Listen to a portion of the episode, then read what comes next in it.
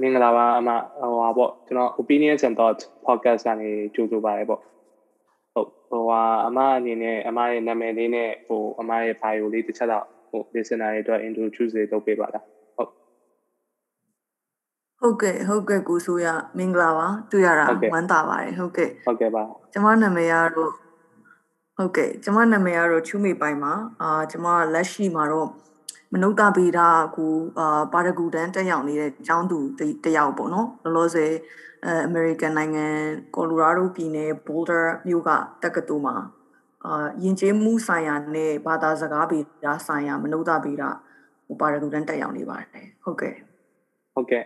ဟိုအဲ့ကမတိုင်ခင်ကတော့ကျွန်တော်တို့ဒီမြန်မာပြည်မှာဟိုအမကျောင်းနေပါတက်သွားပြီးတာမသိဘူး ဟုတ်ကဲ့အာတက်သွားပါတယ်တက်သွားပါတယ်ဆိုတာခဏပဲပေါ့နော်ဟိုဟာကျောင်းဆယ်တန်းပြီးတော့အာခဏဆေးဘက်ဆိုင်ရာတက္ကသိုလ်ကိုတပတ်လောက်တက်လိုက်ပါတယ်ပြီးတော့ကျတော့ကျွန်မဟို Thailand ဘက်ကို scholarship နဲ့ထွက်သွားပြီးတော့ one semester ကဒီ computer science ပေါ့ဟုတ်ကဲ့ computer science နဲ့ one semester တက်ခဲ့ပါတယ်ပြီးတော့မှမြန်မာပြည်ပြန်ပြီးတော့အခုဒီဘက်ကိုရောက်လာတာပေါ့နော်ဟုတ်ကဲ့ဟုတ်ကဲ့ အဲ့တော့အမအနေနဲ့ဒီမနုဿဗေဒပေါ့နော်ဒီဟိုအင်္ဂလိပ်လိုပြောရင်တော့ anthropology ဆိုတဲ့ subject ကိုဘယ်လိုဖြစ်ပြီးတော့အာစိတ်ဝင်စားသွားတာလဲပေါ့နော်အဲ့ဒါလေးအရင်တစ်ချက်ပြောပြပေးတာပြီးမှကျွန်တော်ဒီဘာသာရဲ့အကြောင်းလေးနည်းနည်းပြောတော့ဟုတ်ဟုတ်ကဲ့ရပါတယ်ဟုတ်ကဲ့ကိုဆိုရအဲ့တော့ကျွန်မဒီ US ဘက်ကိုအရင်ဆုံးရောက်လာတော့ကျွန်မကျောင်းပြန်တက်တဲ့အခါမှာပေါ့နော် အဲစတက်ဖြစ်တာ community college ပေါ့ဒီမှာဆိုလို့ရှိရင်ဒီနှစ်နှစ်တက်ပြီးလို့ရှိရင် associate degree ပေးတဲ့ကျောင်းမျိုးပေါ့နော် bachelor မဟုတ်ဘူးသူကနည်းနည်းအဲ့လို trade school လဲဆန်နေနည်းနည်း apply ပဲရောက်တယ်ပေါ့ဆိုတော့အဲ့ဒီမှာပြန်တက်တဲ့အခါမှာကျွန်မ major ယူရတဲ့အခါမှာကျွန်မစာသင်ရတာကြိုက်တော့ဒီ early childhood education ပေါ့ကလေးတငယ်ဟိုဆိုင်ရာအဲ education ဘက်ကိုကျွန်မယူလိုက်တယ်အဲ့ဒီ major ကိုယူပြီးတော့ကျွန်မပထမတစ်နှစ်ကိုအတန်းနေတက်တယ်တက်တက်ပြီးတော့ကျမတို့ဒီအနောက်ဆုံးအဲ့ဒီ associate degree နှစ်နှစ်အတွက်နောက်ဆုံးနှစ်မှာကျမတို့ internship ဆင်းရတယ်ပေါ့ education တက်တဲ့လူတိုင်းဆရာပြည့်သင်တန်းဆိုဆင်းရတဲ့အခါမှာကျမအဲ့မှာကလေးဒီပေါက်စာလေးတွေပေါ့ပြောရမယ်ဆိုလို့ရှိရင်မူဂျိုတို့သူ elementary တငယ်တန်းတန်းတန်းတန်းကိုသင်တဲ့အခါမှာကျမအစကြိုက်ဘူးပေါ့ မကြိုက်ဆိုကလေးတွေဒီဒီအထူးအဖြင့် US မှာသင်ရတာပေါ့နော်အရင်တော့ကတော့ကိုမြန်မာပြည်မှာဆိုလို့ရှိရင်အဲ့လိုဟိုဖုန်ကြီးကျောင်းတန်လင်ဘက်ကဖုန်ကြီးကျောင်းတွေဘာမှကျွန်မစသင်ခဲ့ဘူးရပေါ့ကလေးလေးတွေပဲ elementary တဒန်းနေလေးတန်းဆိုတော့အဲ့တုန်းကကျွန်မကြိုက်တယ်အစင်လဲပြည့်ရပေါ့အဲ့တော့ကိုကြိုက်မယ်ထင်ပြီးတော့ education ကိုယူလိုက်တာပေါ့ယူပေမဲ့ဒီ US မှာကျတော့ဒီပညာ တင်ကြားပုံစနစ်တွေကလည်းမတူဘူးအဲ့တော့သူတို့ရဲ့ system တွေကလည်းမတူဘူးပြီးတော့ကလေး population ကလည်းမတူတော့ကျမလည်းအဆင်မပြေအဆင်မပြေတော့အဲ့တော့ကျမဒီ bachelor လေး4 year school ပေါ့4 year school ကိုပြောင်းလဲပြောင်းတော့ကျမ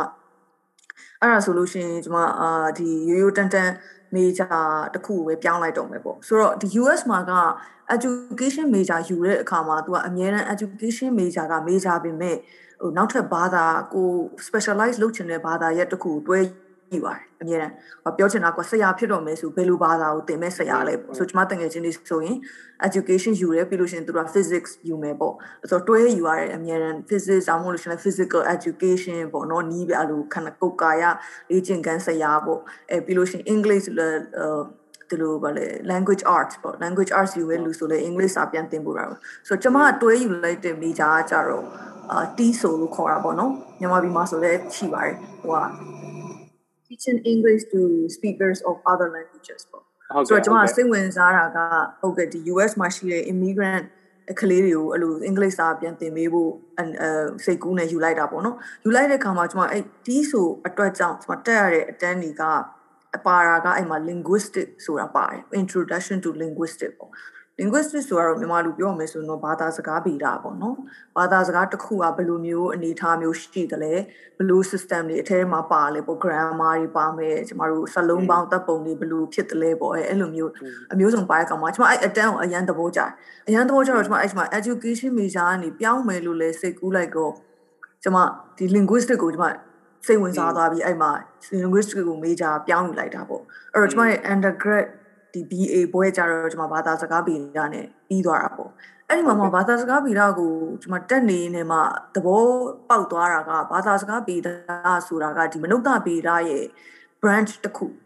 ပေါ့နော်မနုဿဗေဒဆိုတာမြန်မာလိုပြောရမယ်ဆိုရင်မနုဿဆိုတာပါဠိစကားလာတာပေါ့လူပေါ့နော်ဗေဒဆိုတာလေ့လာခြင်းဆိုလူအကြောင်းလေ့လာခြင်းဆိုလူအကြောင်းလေ့လာခြင်းလို့ပြောတဲ့အခါမှာကျမတို့လူဆိုတာအများကြီးလေ့လာလို့ရတယ်ပေါ့နော်လူနဲ့ပတ်သက်တာတွေအများကြီးရှိတယ်ဆိုတော့အဲ့မှာဘာသာစကားဆိုလေလူတွေကပြောတာဟုတ်တယ်မလားကျမတို့ species တွေထဲမှာကြည့်လိုက်လို့ရှိရင်လူမျိုးစားတစ်ခုอ่ะပဲဘာသာစကားဆိုတဲ့ဒီ speech ability ရှိတဲ့အကောင်အမျိုးအစားပေါ့နော်ဆိုတော့အဲ့ဘာသာစကားဗေဒကဒီမနုဿဗေဒရဲ့ ကြီးမားတဲ့ဒီဒီ discipline ရဲ့အောက်က branch တစ်ခုဖြစ်နေတယ်ဆိုတာကျွန်မအမှသဘောပေါက်သွားတော့ကျွန်မ PhD ပါရဂူတန်းလဲရှောက်တော့ကျွန်မမနုဿဗေဒကိုရှောက်လိုက်တာပေါ့နော်ဘာဖြစ်လို့လဲဆိုတော့အဲ့ဒီရဲ့အဲအဲ့ပြောရမယ်ဆိုလို့ရှိရင်တော့အဆင့်ဆင့်ကျွန်မသွားလိုက်တာပေါ့ပြောရမယ်ဆိုတက်နေရင်တက်နေရင်ဒီကိုစိတ်ဝင်စားတဲ့ဘာသာရပ်တွေကအဲ့လိုနည်းနည်းရှာတွေ့သွားတာပေါ့ကိုအဆင့်ဆင့်နောက်ဆုံးမှာမှကျွန်မအခုပါရဂူတန်းကြတော့မနုဿဗေဒနဲ့အခု ဖြစ်သွားတာပေါ့အဲ့ဒီမှာမှခုနပြောသလိုအသေးစိတ်ကဒီဘာသာစကားပေတာဆိုင်ရာနဲ့ယဉ်ကျေးမှုဆိုင်ရာဒါမှမဟုတ်လို့ရှင်လူသဘောတဘာဝဆိုင်ရာပေါ့ပြောရမယ်ဆိုလို့ရှင်ဟုတ်ကဲ့ဟုတ်ကဲ့ဟုတ်ကဲ့အဲ့တော့ဟိုဟာပေါ့အဲ့ထဲမှာလေးကျွန်တော်စိတ်ဝင်စားတဲ့နှစ်ချက်ပေါ့နော်ကျွန်မပြောရတဲ့မှာဒီအမအဲဒီအရင်မြန်မာပြည်မှာနေတော့ကလည်းစာတင်ပေးဘူးတယ်ဟိုမှာလည်းအဲ့လိုစာတင်တဲ့အလုပ်ကိုဟိုခိုင်းဘူးတယ်ဆိုတော့လေခုနပြောရရင်ဟိုမတူဘူးပေါ့နော်ဘာမတူဘူးဆိုတာ education လည်းမတူဘူးခလေးတွေလည်းမတူဘူးဆိုတော့ဘယ်လိုမျိုးမတူတာလဲပေါ့ဟုတ်ကဲ့ဟုတ်ကဲ့မတူဘူးဆိုတာအဲဆိုကျွန်မအဲ့ elementary ကလေးပေါက်စလေးတွေပေါ့နော်ကလေးပေါက်စလေးတွေကိုတင်တော့ဆိုဒီ US မှာကဒီ common core standard ဆိုတာရှိတယ်အဲ့ကျွန်မစပြီး education ယူတဲ့အချိန်မှာသူကဒီ system ကိုပြောင်းနေတဲ့အချိန်ပေါ့နော်ပြောင်းနေဆိုအဲ့ common core standard မှာသူက ဒီ teacher တွေအတွက်ဆိုလို့ရှိရင်တော့ခု CC လို့ခေါ်တာပေါ့နော် the syllabus တခုရေးတယ် clay အတွက် lesson plan attendant အတွက် lesson plan ရေးလို့ရှိရင်ဒီ lesson plan မှာဒီ common core နဲ့အဲ common core standard တွေကိုလိုက်နာထားတာလိုက်နာထားလိုက်နာမထားဘူးလားဆိုတော့သူတို့ကြည့်ကြရဲပေါ့နော်ကျွန်မအသေးစိတ်တွေတော့မသိတော့ဘူးဟို public school မှာအခုအလုံးလုံးတက်လို့မဟုတ်တော့ဒါပေမဲ့အကြမ်းမြင့်ကျွန်မမှတ်မိတာအဲ့လိုမျိုးရေးရတယ်ရေးရ ကျမတို့တင်ချာကျမအဲ့မှာဟိုတင်ချာဟို math ကိုခုနပြောလို့ specialization မယူမယူခဲ့ပေမဲ့ကျမတို့ math အတန်လေးတက်ကြတယ် common core ကိုအဲ math ကိုတင်ချာကို common core လို့ဘယ်လိုပြန်တင်မလဲပေါ့ဆိုတော့အဲ့ဒါကြတော့ဘယ်လိုလဲဆိုကျမတို့အကြောင်းမှာမြန်မာပြည်မှာဆိုတင်လို့ရှိရင်ကတင်းနဲ့တင်းနဲ့ပေါင်းရင်နှစ်ဆိုတာကျမတို့ဒီလိုပဲတင်ကြရဟုတ်တယ်မလားဒါပေမဲ့ common core မှာသူ့ရဲ့တင်ပုံတင်နည်းတစ်မျိုးရှိတယ်ပေါ့နော်ဒီဘက်က तू အဲ့လိုလက်ချောင်းတွေကလေးတွေကိုလက်ချောင်းတွေချိုးပြီးတော့တင်တာမျိုးကို तू ကအားမပေးဘူး သူကအဲ့လိုဟိုကိုယ်ပတ်ပြီးနည်းနည်းသွားရတယ်ကျွန်တော်မမိတော့ဘူးဆိုတော်တော်ခက်တယ်အဲ့ဒါကျွန်တော်ဆိုတင်ချာကိုအစကနေပြန်တင်တယ်လို့မျိုးပေါ့နော်ချက်ပြောကြားဘူးလားကျွန်တော်ကြားဘူးလေကျွန်တော်ရန်ကုန်မှာလည်းအဲ့လိုပြောင်းလိုက်တော့အဲ့မှာဟိုမိဘတွေနည်းနည်းအတန်ထွက်လာကျွန်တော်မှတ်မိရယ်ဘယ်ဘယ်ဘယ်နှစ်ခုနဲ့လုံးခဲ့တော့နှစ်နှစ်သုံးနှစ်လောက်ကလာဘယ်ဘယ်ချိန်ကလဲတော့မသိအဲ့လိုမျိုးပေါ့နော်အရင်တော့ကနီးနဲ့မတူတော့ဘူးပေါ့တင်ချာကိုအခုတင်တဲ့နီးကအဲ့လိုမျိုးပြောင်းသွားတယ်လို့တော့ကျွန်တော်ကြားဘူးတယ်ကြားလိုက်တယ်ပေါ့နော် ဆိုတော့ပြောင်းအခုလည်းအဲ့လိုမျိုးနီးဖြစ်သွားပြီနဲ့တူတယ်ကျွန်တော်ဟိုအရင် confirm တော့မဟုတ်ဟုတ်အဲအိုးအဲ့ဒါဆိုရင်တော့တကယ်လို့ဟုတ်တယ်ဟုတ်ကဲ့ပြောပါဟုတ်ကဲ့ဟုတ်ဟုတ်ကျွန်တော်နောက်တစ်ခုကလေဟိုပါပေါ့အဲ့ဒီခုနပြောရဲလူတွေကပဲဒီ language ရှိတယ်ဆိုတဲ့ဟာကိုကျွန်တော်ကဘယ်လိုစဉ်းစားလဲဆိုတော့ကျွန်တော်တို့ကနားမနေတာဖြစ်ဖြစ်မှာပေါ့သူများ language ဆိုသူများအကောင့်တွေရဲ့ language ဆိုကျွန်တော်တို့နားမနေတာဖြစ်ဖြစ်ပါဟုတ်ကဲ့ ဟုတ်ပါတယ်ဟုတ်တယ်ဟုတ်တယ်အဲ့ဒါကြောင့်အမှန်တမ်းဟုတ်တယ်ဟုတ်တယ်ကိုကိုဆိုရမေးတယ်မေးကုန်းကဒါဟိုစဉ်းစားတင်တဲ့ဟာပေါ့အဲ့ဒါလေဘယ်လိုလဲဆိုတော့ကျမတို့အဲ့ဒီပြောမယ်ဆိုလို့အဲ့ဒီဟာကြောင့်လေကျမမနုဿဗေဒဘက်ကိုကြက်ကြက်ပြန့်ပြန့်ဖြစ်တဲ့မနုဿဗေဒဘက်ကိုကျမပြောင်းလိုက်တာပေါ့နော်ပါရဂူထဲမှာဘာဖြစ်လို့လဲဆိုတော့ linguistic ကြတော့အခုလောလောဆယ်လက်ရှိမှာကနည်းနည်းအဲအခုဆို branch နှစ်ခု꿰တယ်ပေါ့နော် US က linguistics ဆိုလို့ရှိရင်ဒါ East Coast linguistics ကျမတို့ဆိုကျမတို့ဆိုတာ East Coast မှာ train လုပ်ခဲ့ရပေါ့နော် undergrad ကို linguistic East Coast linguistics ဆိုတာ Noam Chomsky ကြားဘူးကြမှာပေါ့ဟုတ်တယ်ကြားဘူးပါ Chomsky ဟုတ်ကဲ့သူနိုင်ငံရေးနဲ့လည်းပတ်သက်ပြီးပြောရဲဆိုတော့သူနိုင်ငံရေးနဲ့ပတ်သက်ပြီးကြားဘူးရလူလည်းရှိမှာဒါပေမဲ့ तू က linguist linguist ဆိုတာ Chomskyan Chomskyan linguistic ပေါ့အဲ East Coast ဘက်ကတင်တာ West Coast ရောက်ဆိုတော့ West Coast ဒီ use California system လို့ဘာလို့ကြတော့ သူကဘာ system နဲ့သင်လဲဆိုတော့ functional linguistic လို့သင်တယ်အဲ့တော့ Chomskyan linguistic နဲ့ functional linguistic မှာနည်းနည်းကျမတို့ပေါ့နော်ဘာကွာဝါလဲဆိုတော့ Chomskyan linguistic ကသူ့ရဲ့ main foundation ကဘယ်လိုလဲဆိုတော့ဒီ linguistic faculty လို့ခေါ်တဲ့ဘာသာစကားအဲထုတ်ပြုလုပ် ထုတ်အာ produce ပေါ့နော်လုတ်လုတ်ပေးနိုင်စွမ်းက human brain မှာပဲရှိတယ်ဆိုတော့ဒီ main argument ပေါ့ဒီ human brain မှာကျမတို့ကလူတွေမွေးလာပြီဆိုတော့လူတွေရဲ့အုံနောင်ထဲမှာဘာသာစကားကိုအထုတ်နိုင်တဲ့အစိတ်ပိုင်းတစ်ခုပါလာတယ်ဆိုပြီးတော့ဒီ Chomsky linguistic branch ကဆိုယုံကြည်တယ်ပေါ့နော်အဲ့ဒီအတွက်ကြောင့်လေ तू ကလူသားတိုင်းလူသားတိုင်းမှာသူ့ရဲ့ grammar ဆို UG လို့ကျွန်တော်တို့ခေါ်တယ် universal grammar ပေါ့လူသားတိုင်းလူသားတိုင်းဘယ်အမျိုးအစားမလို့ဘယ် region မှာလာလာ ဒီလူသားတိုင်းက grammar တစ်ခုထုတ်ပေးနိုင်တဲ့အစွမ်းရည်ရှိပြီးသားပါပြီးသားပေါ့ဆို grammar ဆိုကျွန်တော်ခုနကပြောလို့တယ်မလား verb နဲ့ object နဲ့ဘယ်လိုဆက်ဆက်မလဲလို့ system လေးသာကွဲစဉ်ကွဲသွားမယ်ဒါပေမဲ့ထုတ်ပေးနိုင်စွမ်းပါပြီးသားဒါပေမဲ့ဒီဘက်ကကျွန်တော်တို့ west coast linguistic ကြားတယ်ဒီ functional linguistic ကြားတော့ဘယ်လိုလဲဆိုတော့ तू ကအဲလူသားတိုင်းကထုတ်ပေးနိုင်စွမ်းဒီ cognitive ပေါ့နော် cognitive အပိုင်းကို तू ကသိပြီးတော့အာယုံမဆိုင်ဖင်းနဲ့ तू ကလူသားတွေဘယ်လို language ကိုဘာသာစကားကိုအဲ့လိုအသုံးပြုလဲ အသုံးပြုနေနိုင်ပုံမှာမှမူတည်ပြီးမှဘာသာစကားဆိုတာဖြစ်လာရဲဆိုရဲ argument ပေါ့အဲ့တော့အဲ့ဒီအနောက်ဒီ West Coast linguistic အရာကြည့်မယ်ဆိုရင်တော့ကိုဆိုးရပြောသူမျိုးပဲအကောင့်တွေတခြား gorilla တို့တခြားခွေးတို့ဘာတို့ကလေဒါသုံးသုံးနေမှာပဲပေါ့တခုခုကျမတို့သာမသိတာဒါပေမဲ့ဒီ Chomsky linguistic နဲ့ပြန်ကြည့်လိုက်မယ်ဆိုရင်ကျတော့သူတို့အုံနောက်ထဲမှာတကယ်ကို brain ပေါ့နော် neuro neuro linguistic အနေနဲ့ကြည့်မယ်ဆို brain ထဲမှာတကယ်စကားပြောနိုင်တဲ့စကားလို့ခေါ်လို့ရတဲ့ဥမာဟိုဟို ဟိုဘယ်လိုပြောမလဲစလုံးတစ်လုံးဒီလိုမျိုးကွာခွေးအဲဟိုကျမတို့ gorilla နာမည်ကြီးကြီးရှိပါတယ် kiki လာသူ့နာမည်စကားပြောတတ်တယ်ဆိုတာဒီအဲ့လိုမျိုးဟိုဗာလဲအာ kiki hungry ပေါ့ဆိုတော့ဒါကစလုံးတစ်လုံးမှာကြက်တူရေးဆိုလဲပြောမယ်ကြက်တူရေးတဲ့မလားကြက်တူတာလိကာစကားပြောတတ်တဲ့တာလိကာတွေပါကြီးဆိုလို့ရှိရင်လဲအော်ဗာလဲခွေးကြီးခွေးကြီးတို့ဘာလို့အဲ့လိုမျိုးသိမလားအဲ့ဒါကြတော့ကျမတို့ semantic word ကိုပဲ तू ကဘယ်လိုပြောမလဲ အတိတ်ပဲရှိတဲ့စလုံးတစ်လုံးကိုပဲ तू ကမှတ်မိပြီးအဲ့ဒီဟာကိုပြန်ပြီးတော့ပြန်ပြန်ပြီးတော့ဟိုထုတ်တာပေါ့နော်ဒါပေမဲ့သူ့မှာအဲ့ universal grammar လို့ပြောရဲအဲ့စလုံးတွေအချင်းချင်းကိုချိတ်ဆက်ပေးမယ်ကြားတဲ့ကကွင်းဆက်ခုနကကျမတို့လူတွေဆိုလို့ရှိရင်ကိုဆိုးရကိုကျမအော် I I did ဟို baby baby uh baby sitting today အဲ့လိုမျိုးဒါတော့ထားပါတော့အင်္ဂလိပ်လိုပြောမြန်မာလိုဆိုလည်းရှိမယ်ပေါ့နော်ဟိုကျမတို့စကားလုံးအသစ်တွေတီထွင်လို့ရတယ်လူတွေကဟိုဟိုတင်မလားဟိုမတင်ခဲ့ပေမဲ့ကျမတို့ရဲ့အာ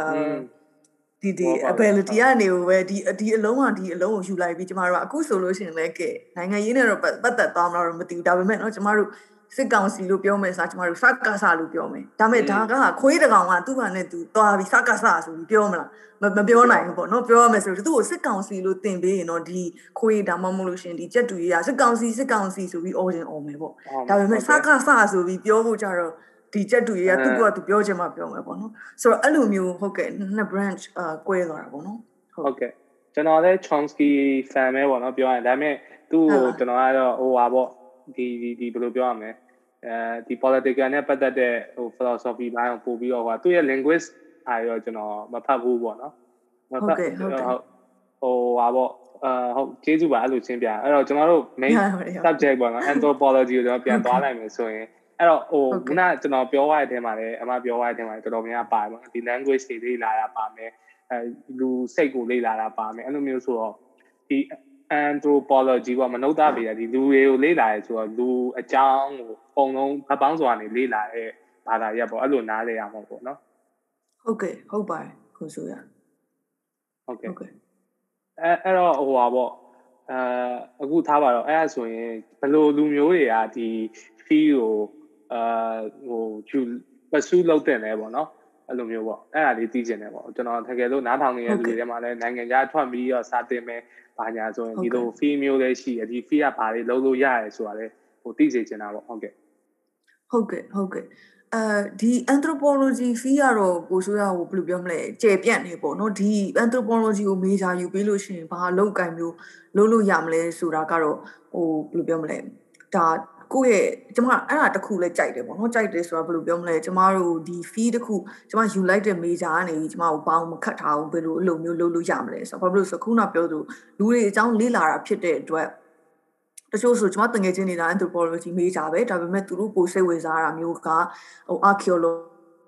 ပါတယ်ဒါရှေးဟောင်းသူတည်တနာရှေးဟောင်းသူတည်တနာကြတော့လူတွေအကြောင်းလေ့လာတာပဲဒါပေမဲ့ဒီဟိုလွန်ခဲ့သောနှစ်ပေါင်းထောင်ချီကရှိခဲ့တဲ့လူတွေအကြောင်းပေါ့ တည်မလားအဲ့တော့ဟိုဟိုသွားပြီးတော့ဒီ archaeological ရှေးဟောင်းသူတည်တနာအဲ site တွေမှာသွားပြီးတော့တူးဖော်တာတူးဖော်ပြီးလို့ရှိရင်အော်ဒီလိုဒီခေတ်မှာဒီလိုတွေကဒီလိုမျိုးနေခဲ့တာပါလားဆိုလေ့လာလို့ရတယ်ဆိုတော့အဲ့တော့ archaeologist တို့ဘာလို့အဲ့လိုမျိုးလောက်ကြတာဝါသနာပါတဲ့လူဆိုလဲဒါ anthropology တဲ့ရပဲသွားတာပေါ့နော်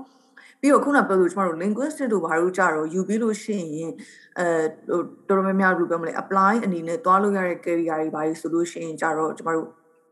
အာဟိုတချို့တွေဆိုဒီ speech uh speech pathologist ဘိုင်းရောက်သွားတယ်ဒီမှာကလေးတငယ်ကလေးမွေစကားအဲတချို့ကလေးငယ်ငယ်လေးတွေနဲ့စကားပြောတဲ့အခါမှာနည်းနည်းနှောင့်နှေးနေရတော့ဘာလို့လေ့ကျင့်ပြီးတဲ့ဘက်ပိုင်းရောက်သွားတယ်ဒါ linguistic နဲ့ပတ်သက်ပြီးကိုက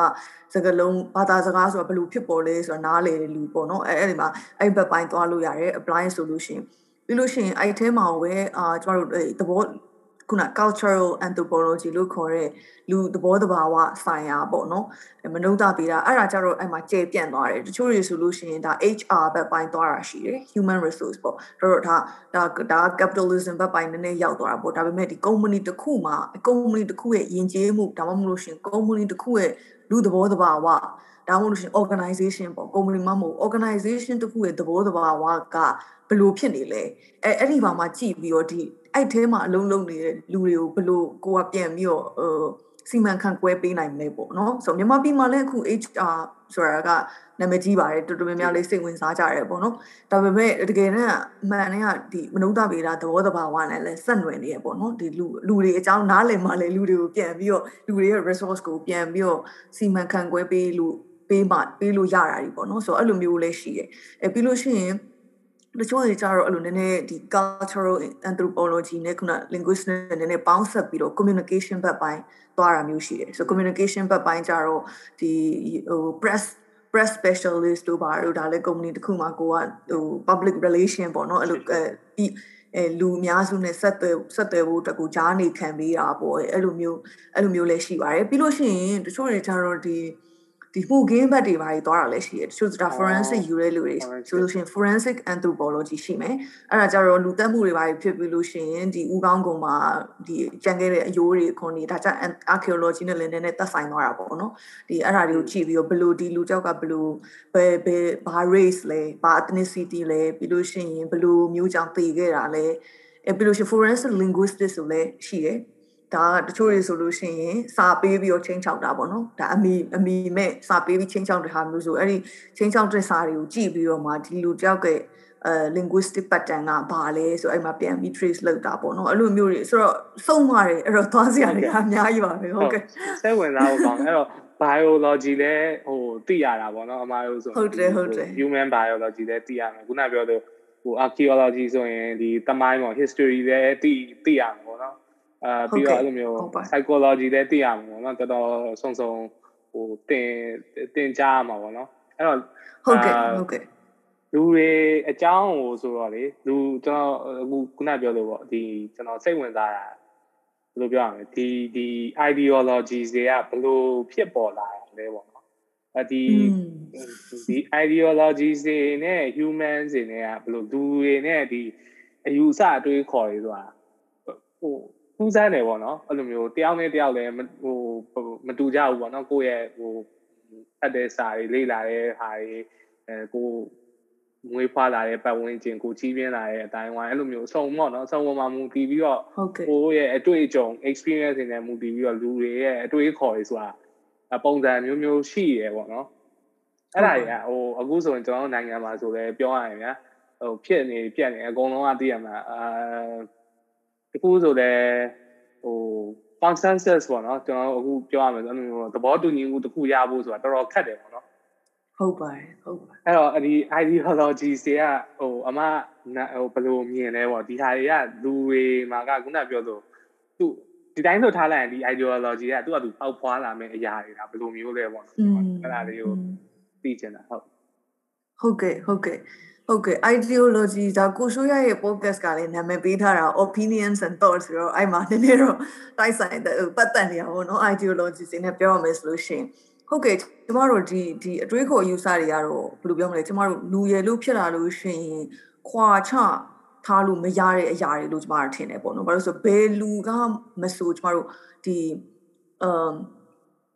objective ဖြစ်ဖြစ်နိုင်တယ်ဆိုတာမရှိဘူးပေါ့ကျမတို့ဒီမနုဿပေတာရှုထောင့်ကကြည့်မယ်ဒါမှမဟုတ်လို့ရှိရင်တခြားဒီ social science ရှုထောင့်တွေကကြည့်မယ်ဆိုလို့ရှိရင်လူရည်လို့ဖြစ်လာပြီအဲ့ဒီမှာမှာပတ်သက်တဲ့အကြောင်းအရာတွေမျိုးစုံပေါ့နိုင်ငံရေးလူမှုရေးစီးပွားရေးအဲပြီးလို့ရှိရင်တိတ်ပံပညာရေးတောင်ပါမယ်ပေါ့အဲ့ဒီမှာတော့မှကျမတို့ဒီဒီဘလို့မှဒီကျမတို့ရဲ့ ideology တွေကကျမတို့ကိုဟိုဖုံးလွှမ်းထားပြီးသားပေါ့တစ်စိတ်တစ်ပိုင်းဖြစ်ဖြစ်လုံးဝအုတ်တုံဖြစ်ဖြစ်ပေါ့ဆိုတော့အဲ့တော့ပြောရမယ်ဆိုလို့ရှိရင်ဒီဒီဒီ American version of anthropology ပေါ့နော်ဆို anthropology မှာ solution လဲဒါ British ကလာတဲ့ European anthropology ဆိုတာလဲတသက်ရှိသေးတယ်ပေါ့အဲ့တော့ကျမတို့အဲ့ဒီ branch မှာ train မလုပ်ထားတော့သိပြီးတော့မပြောနိုင်ပါဘူးဒါပေမဲ့ဒီ American version of anthropology မှာ solution ရ1960ပြည့်နှစ်တွေမှာဒီ American မနုဿဗေဒကိုလေ့လာတဲ့လူတွေက ဟို approach သူတို့ approach ကိုနည်းနည်းပြောင်းလိုက်တယ်အရင်တော့ဆိုလို့ရှိရင် anthropology ကိုခုနကိုဆိုးရပြောလိုမျိုးပဲပေါ့နော်ဒါ scientific နည်းနည်းဆန်တယ်ဘာဖြစ်လို့ဆိုတော့ကျမတို့ကဦးကောင်းကွန်တွေလည်းကြည့်မယ်ပြီးလို့ရှိရင်တူးဖော်ထားတွေလုံးဝကို science တပုံမျိုးပဲ anthropology ကဒါ science discipline ပေါ့ဆိုတော့အဲ့လို science discipline နဲ့ထိကြတဲ့အခါမှာကျမတို့ scientific method တွေလိုလာပြီး hypothesis တွေဘာတွေဒါပေမဲ့1900 60ပြည့်နှစ်နောက်ပိုင်းလဲကြတော့ဒီဒီ World War 2နောက်ပိုင်းကြတော့ဒီကျမတို့ဒီ Clifford Gear ဆိုတဲ့ anthropologist American anthropologist တယောက်ကနေစပြီးတော့သူကဒီ branch တစ်ခုပြုတ်ထောင်လိုက်တယ်ပေါ့နော်ထောင်လိုက်တယ်ဆိုတော့သူကဒီကျမတို့မနုဿဗီဒကိုလူတွေကိုလေ့လာတဲ့နေရာမှာလူတွေကပဲလူတွေကိုပြန်လေ့လာနေတာဖြစ်တဲ့အတွက်ကျမတို့ဘလို့မှကျမတို့ရဲ့ discipline ကြီးကအဲ့လိုကြီးအဲ လုံးဝအုပ်တော့ခုနပြောသူ ideology မရှိဘဲနဲ့ကြည့်လို့မရတော့ဘူးပေါ့။ तू ကအဲ့တော့ तू ပြော तू ထောင်လိုက်တဲ့ branch ကဘာဖြစ်သွားလဲဆိုတော့ branch တော့မဟုတ်ဘူးပေါ့နော်။ပြောရမယ်ဆို theoretical approach ပေါ့။သူ့ရဲ့ theory approach ကဘာလဲဆိုတော့ဒီ interpretive anthropology ဆိုပြီးတော့ तू ကပြောတယ်ပေါ့။ဘာလို့ဆိုတော့ဒါကျမတို့မြင်သမျှအရာတိုင်းကျမတို့ဟိုစူးစမ်းလေ့လာနေတဲ့နေတဲ့ကိစ္စတိုင်းကိုကျမတို့က interpretation ကျမတို့ကိုယ်တိုင်ဘယ်လိုနားလည်သဘောပေါက်တယ်လဲဆိုတဲ့ရှုထောင့်ကကြည့်ရမယ်ဆိုပြီး तू က ပြောခဲ့ပေါ့ဒါသူ့ရဲ့ခုတည်းထီကိုဒါ fee influencing theory ပေါ့ပြောရမယ်ဆိုရှင် anthropology မှာဆိုလို့ရှင်အဲ့ဒါဘာလဲဆိုလို့ရှိရှိလို့ရှင်ကျမတို့လူတစ်ယောက်ကနေတစ်ယောက်ကိုစကားပြောဆိုဆက်ဆံလိုက်တာပဲဖြစ်ဖြစ်လူတစ်ယောက်ကနေလူအုပ်စုအများကိုစကားပြောဆိုဆက်ဆံလိုက်တာပဲဖြစ်ဖြစ်ကျမတို့မှာရှိပြီးသားဒီ cultural အဲဟို parameters တွေပေါ့နော်အဲ့ဒါတွေကရှိထားပြီးသားအဲ့တော့အဲ့ဒီရှိထားတဲ့ ဒီမှာကျမတို့တခြားလူတယောက်ကိုဘယ်လိုကျမတို့နားလည်လိုက်တယ်လဲဘယ်လိုသဘောပေါက်လိုက်တယ်လဲဆိုတာကို तू ကရှင်ထိုးစဉ်းစားရမယ်ပေါ့ဘာလို့ဆိုဟိုအရင်တော့ဆိုရင်ကြတော့ကျမတို့လူတယောက်ကိုကြည့်လို့ရှင်အော်ဒီလူတယောက်ကဒီလိုပေါ့နော်ပြောမယ်ဆိုလို့ရှင်ဒီဒီ gears မတိုင်ခင်တော့ဆိုလို့ရှင်ဒါဟို Malinowski ပေါ့ကျမတို့ဒီဒီ American anthropology မှာသူဆိုလုပ်ခဲ့တဲ့ research ဆိုလို့ရှင်သူလေ့လာခဲ့တာကသူကလူပြိုတွေနဲ့ဒီ African တွေမှာဘာကြောင့် အာဖရိကန်တွေကဟိုဟိုကွာခြားနေတယ်လေပေါ့လူပြူတွေနဲ့အာဖရိကန်တွေနဲ့ဘယ်လိုကွာခြားနေတယ်လဲဆိုတဲ့ခါမှာ तू ပြခဲ့တာက तू ကအဲ့ဒါဆိုရင်သူတို့ရဲ့ဥကောင်းကွန်တွေကိုတိုင်းမယ်ဥကောင်းကွန်တွေကိုတိုင်းတဲ့အခါမှာအော် ဒီဥကောင်းကွန်လူမဲတွေရဲ့ဥကောင်းကွန်ကပိုကြီးနေတယ်ဆိုတော့အဲ့ဒါဆို brain size ကသူတို့ကကြီးနေတာလားအုံနောက်ကကြီးနေတာလားအဲ့ဆိုအုံနောက်ကကြီးနေတယ်ဆိုလို့ရှိရင်သူတို့ကအုံနောက်ကြီးတဲ့အတွက်ပို့ပြီးတော့သူတို့မှာဟိုဘယ်လိုပြောမလဲ inter ခုနကပြော cognitive ability တွေပိုများနေတာလားအရင်နည်းနည်းပြောရမယ်ဆိုလို့ရှိရင်ဒီကြီးတဲ့ဟိုဒါကိုလေ့လာတဲ့ပညာရှင်တယောက်ရဲ့အဲ နားလေသဘောပေါက်မှုတိတ်မပါဘူးပေါ့နော်သူ့ရဲ့ data လုံးဝ very subjective သိရမလားဥကောင်းကုန်ပဲကြည့်ရဲဆိုတော့ဒါအကောင့်တကောင်ကိုကြည့်တယ်လို့မျိုးပဲဆိုတော့ဒါပေမဲ့ဒီကျမတို့1960နောက်ပိုင်းလေးရောက်တော့အခုလက်ရှိ anthropology solution ကြတော့အဲ့ဒီ approach တွေကနေနည်းနည်းကျမတို့မလုပ်တော့ဘူးအဲ့လိုမျိုးအမလုပ်တော့ဘဲနဲ့ကျမတို့ကထားပါတော့ကျမကဗမာဗုဒ္ဓဘာသာမိန်းမတယောက်ပေါ့နော်ဆိုတော့ကျမကနေဒီမြန်မာပြည်ကိုလေ့လာမယ်ဆိုကျမရဲ့နားလေသဘောပေါက်မှုကကိုဆိုးရလူမျိုးယောက်ျားတယောက်လေ့လာတာနဲ့ လုံးဝအုံတုံကြီးမတူတော့ဆိုတော့သိရမလားဆိုတော့ scientific experiment ကြတော့ကိုဆိုးရဒီ chemical platinum နဲ့ဒီဟာနဲ့ပေါင်းလို့ရှိရင်ဒီအဖြေပဲထွက်မယ်ဆိုတာကျွန်တော်သိထားပြီလားအင်းဒါပေမဲ့ကျမတို့ဒီဒီ social science လို့မနုဿဗေဒလိုမျိုးကြတော့ကျမတို့ဘယ်ကလာနေလဲဒီလိုကြီးရဲ့လူကဘယ်ကလာနေသလဲဆိုတာပါကျွန်တော်တို့ထည့်စဉ်းစားရမယ်ဆိုတော့အဲဟို theory ပေါ့နော်အဲ့လိုဖြစ်သွားတယ်ဟုတ်ကဲ့ အဲ့တော့ကျွန်မအနေနဲ့ကျတော့ဒီအရင်တည်းကဟို bias ရှိနေတယ်လို့ဟို researcher မှာ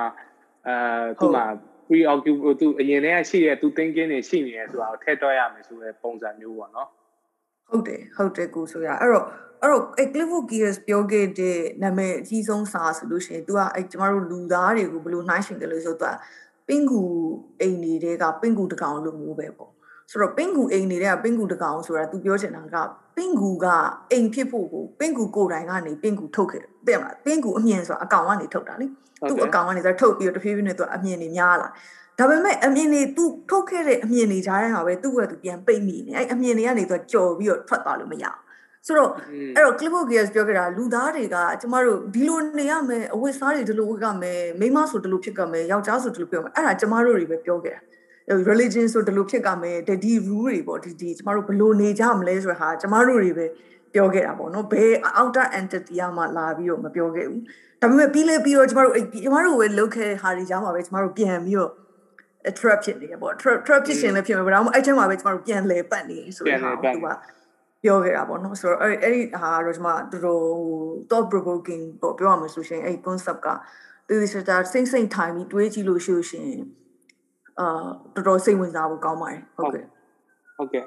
အဲကျွန်တော်လည်းအဲ့လိုမျိုးကတော့ဟိုဟာဖြစ်တယ်ပေါ့နော်ဘာဖြစ်လို့လဲဆိုတော့ကျွန်တော်တို့ဥမာထားပါဘယ် rules ပဲဖြစ်ဖြစ်ပဲ law ပဲဥပဒေဆိုလဲကျွန်တော်တို့လောက်တာပဲလေကျွန်တော်နိုင်ငံအတွင်းမှာနေဆိုလဲဥပဒေဆိုတာလူလောက်တာပဲအဲ့တော့လူတွေလောက်တဲ့ဥပဒေကိုလူတွေကပြန်ပြီးလိုက်နာရတယ်ပေါ့နော်ဒါတော့ဟုတ်ပါတယ်ဟိုကျွန်တော် net အဲ့တော့ဟိုဒါမဲ့ကျွန်တော်ကျွန်တော်ကျွန်တော်ဟိုပါပေါ့နော်အဲ့တော့ဟိုတခု မေးချင်တာ social science ပေါ့နော်ကျွန်တော်ကတိတ်ပံဆိုတာတော့ကျွန်တော်နားလေထားတဲ့ဟာခုနလိုမျိုးပေါ့နော်ပြန်ပြီးတော့အာဟို replicate လုပ်လို့ရမယ် result ကိုပေါ့နော်ဒီဟာနဲ့ပေါင်းပြီးရင်အများနဲ့မှတ်ရမယ်ပေါ့နော်အဲ့တော့ social science ဆိုတဲ့နေရာမှာဘာဖြစ်လို့အဲ science ဆိုတဲ့စကားလုံးထည့်ထားတာလဲပေါ့နော်ဘာဖြစ်လို့လဲဆိုတော့ကျွန်တော်အမြင်ကြတော့ဒါ scientific မဖြစ်တော့ဘူးဗျာအဲအဲ့လိုအဲ့လိုမြင်လို့ရမှာอืม အဲ့ဒါအဲ့ဒါကိုဆိုရခုနက social studies ပေါ့နော်ကျွန်တော်ကအဲ့လိုမျိုးတော့ဖြစ်နေပေါ့နော် social social studies နဲ့ social science ကတော့နည်းနည်းကွာတယ်ပေါ့နည်းနည်းကွာတယ် social studies ဆိုတာကြတော့ဒီခုနကိုဆိုရပြောသူလူမှုနေထိုင်မှုသဘောတဘာဝအစုံပေါင်းစုံကိုလေ့လာတာ study လေ့လာဒါပေမဲ့ social science ကြတော့လေ့လာယုံနေမဟုတ်တော့ဘူးကျမတို့ကသူတည်တနာပြန်လုပ်တာ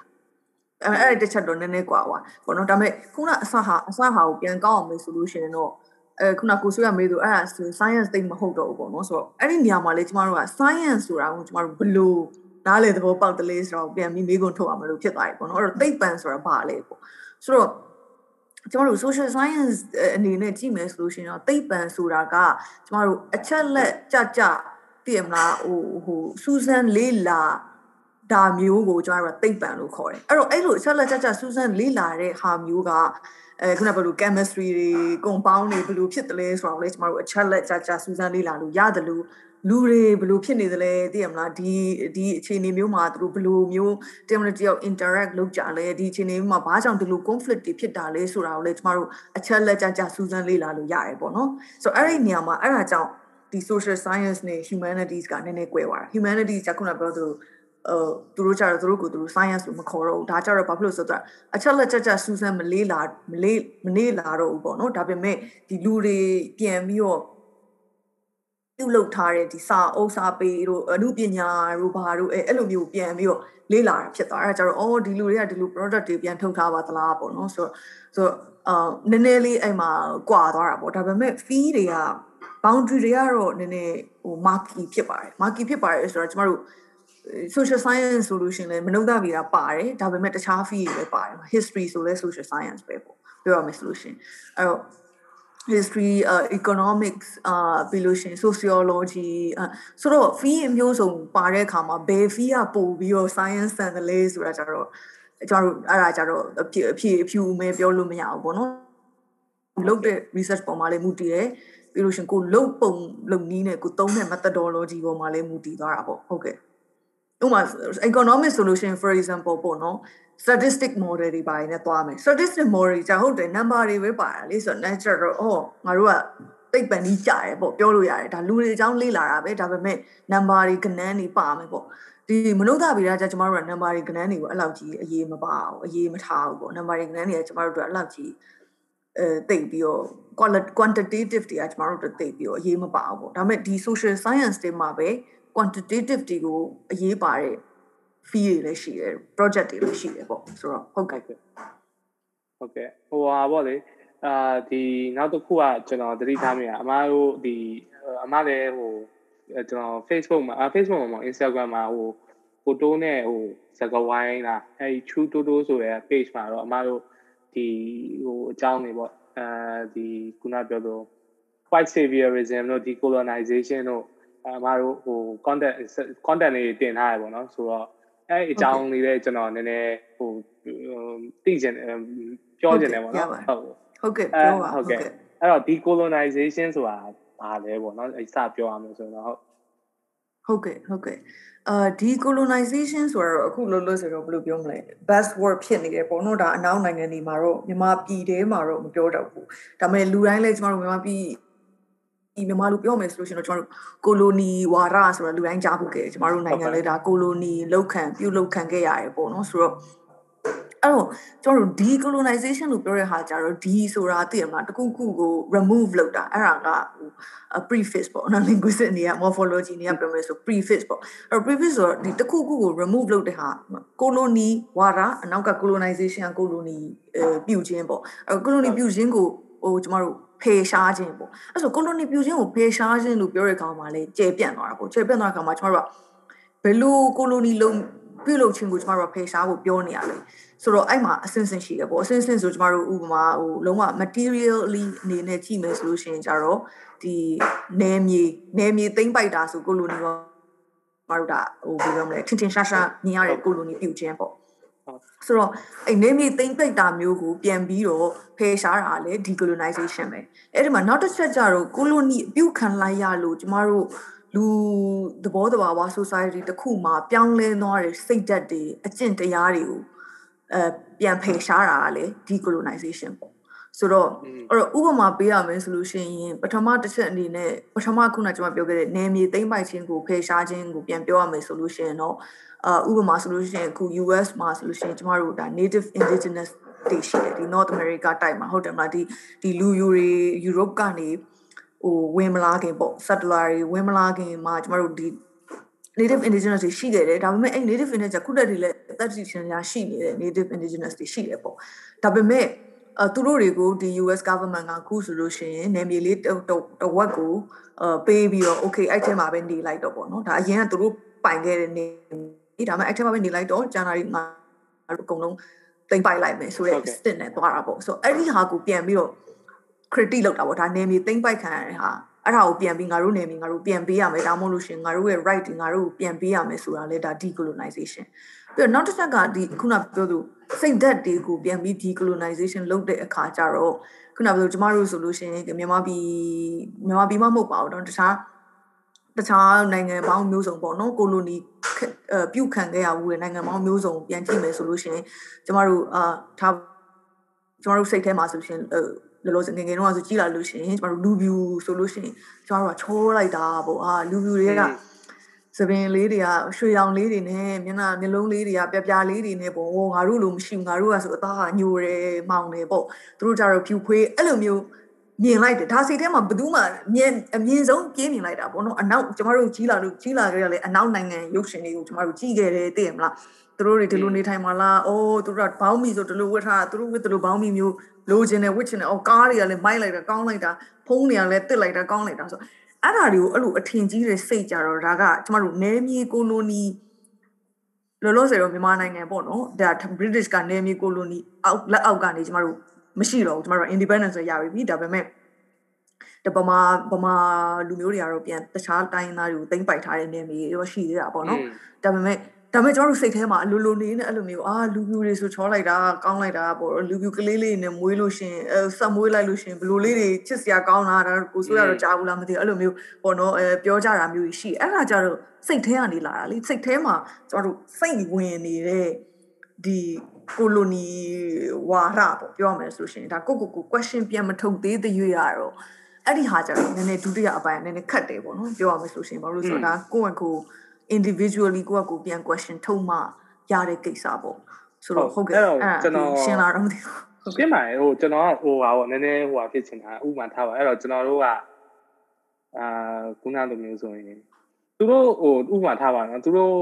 အဖြူတွေမှာလည်းရှင်းရှင်းပါနော်ကျွန်တော်ဒီစကားဟိုပြောတာသူတို့ပြောရင်သူတို့လည်းဒီ Asian တွေကိုကြည့်ပြီးတော့ဟိုချောလိုက်တာထားလိုက်တာအဲ့လိုမျိုးဖြစ်မှာပဲလေอืมအဲ့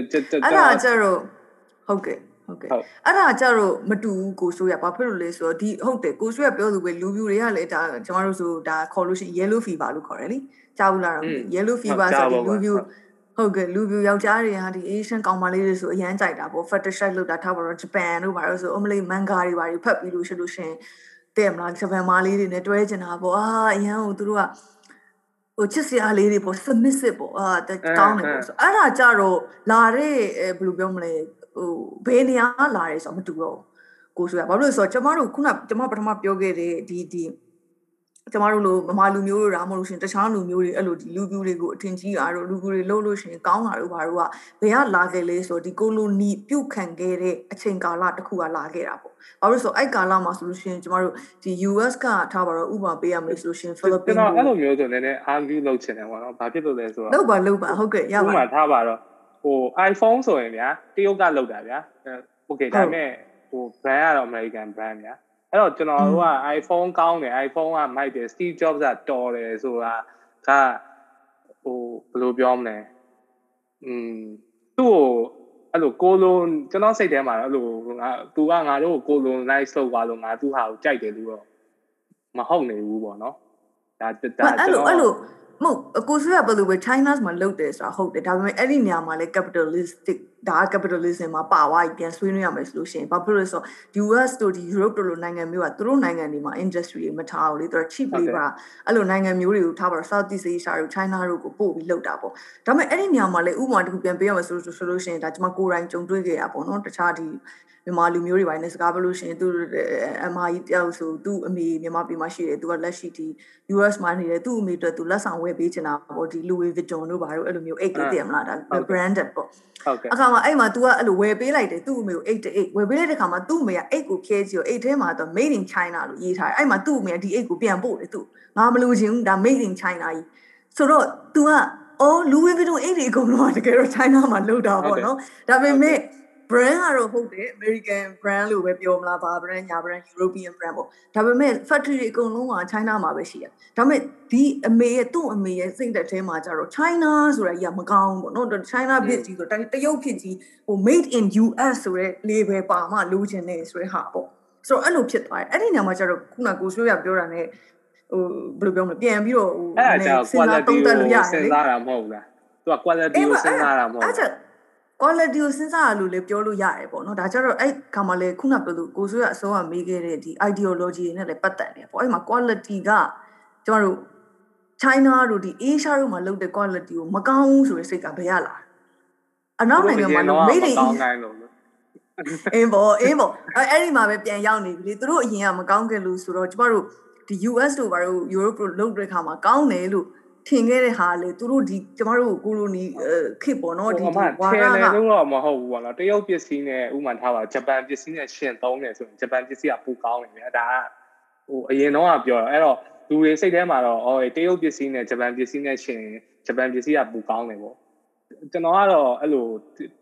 မြင်တယ်မြင်မြင်တာပေါ့နော်အဲ့လိုမျိုး ဟိုဒါကတော့ကိုဆိုးရဟိုဘယ်လိုပြောမလဲဒီပစ္စည်းသုံးတာ market ပေါ့နော် market ဟာကိုဝယ်ကြည့်ရဲဆိုပစ္စည်းကိုဝယ်ကြည့်ရဲဆိုတော့ဟုတ်တယ်ဒါပေမဲ့ကျွန်မခုနပြောနေစိတ်သက်ဆိုင်ရာဒီ colonization ကပစ္စည်းလိုပစ္စည်းသုံးဆွဲတာဝယ်ယူတာတခုတည်းမဟုတ်တော့တခြားနေရာတွေမှာပြန့်နှံ့နေတာပေါ့ပြောမယ်ဆိုကျွန်မတို့ဟိုပို့ပြီးအသားဖြူခြင်းတာတို့ဘာတို့ဆိုတာဒါတွေကဘယ်ကလာတာ ပြောမယ်ဆိုရှင်ကျမတို့ Asia Southeast Asia တခွင်မှာဆို Thai လို့ပါလို့ဆိုညနာ whitening cream ဆိုတာရန်ထွက်တယ်လေဒါခုလက်ထိလည်းတုံးဟိုလေရောင်းရဆေးတွေပါထိုးတာသူတို့ကသူဆေးတွေလည်းထိုးအဲ့လိုဟိုတောင်စစ်တွေကဖြူခွေးနေတာအဲ့လိုမျိုး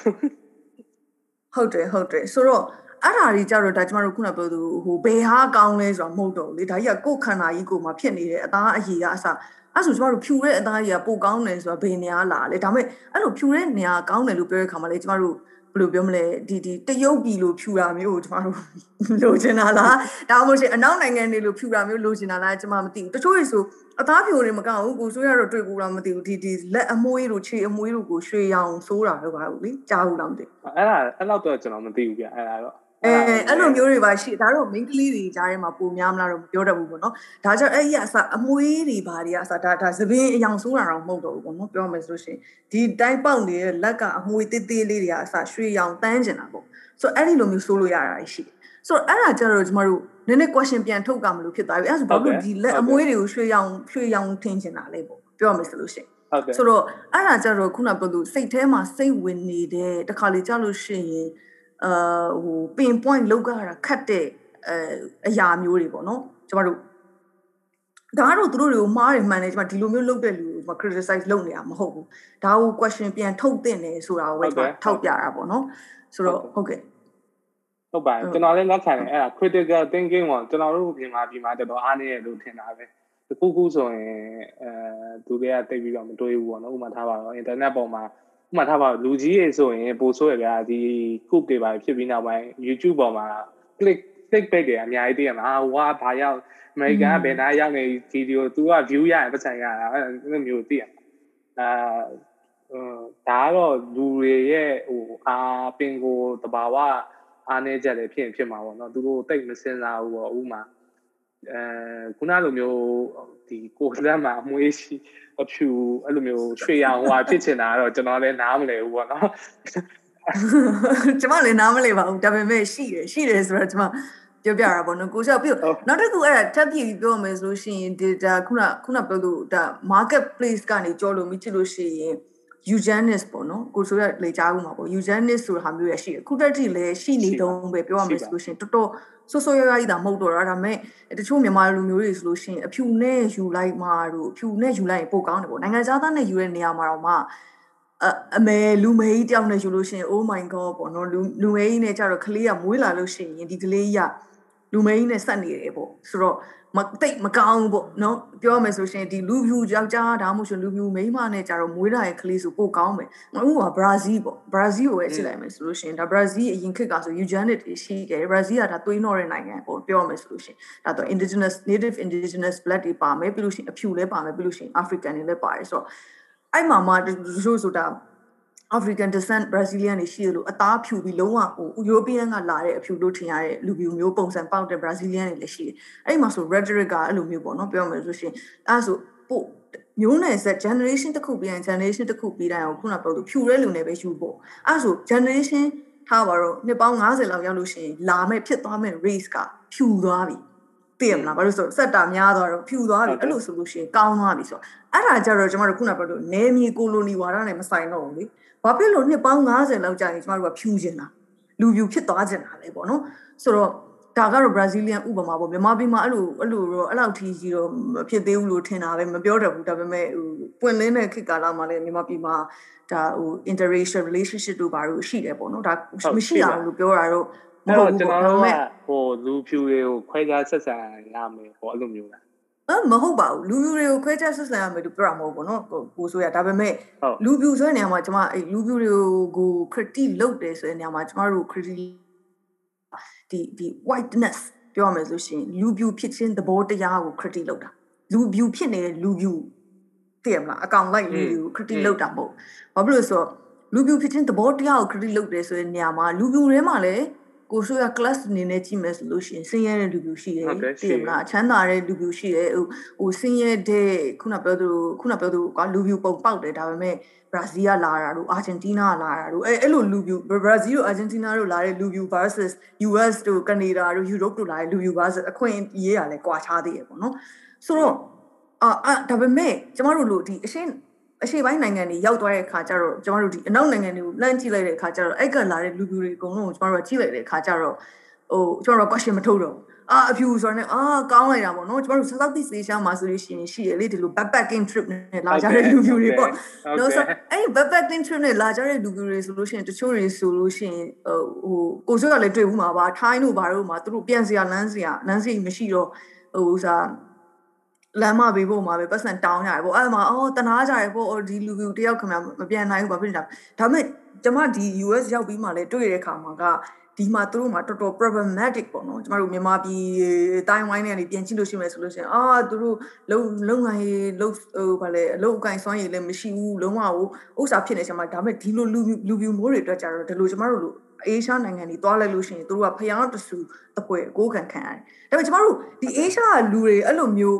ထားပါတော့နော်အာလုံးမအောင်အေးချမ်းမှာလောက်ကင်စားတော့ရတာအဆင်မပြေတော့ဘူးအရှိတိုင်းသွားမယ်ဒါပေမဲ့အရှိတိုင်းမှာကျမတို့ဖျားတစုတပွဲဆက်ဆံခံရလားဆိုတော့အဆက်ဆံမခံရဘူးလေသိရမလားအဲ့တော့အဲ့ဒီဒီသဘောတရားဒီ whiteness ပေါ့နော်ဒီလူပြူဖြစ်ရခြင်းမှာအလိုလိုရှိနေတဲ့ဒီသဘောတရားတွေကိုကျမတို့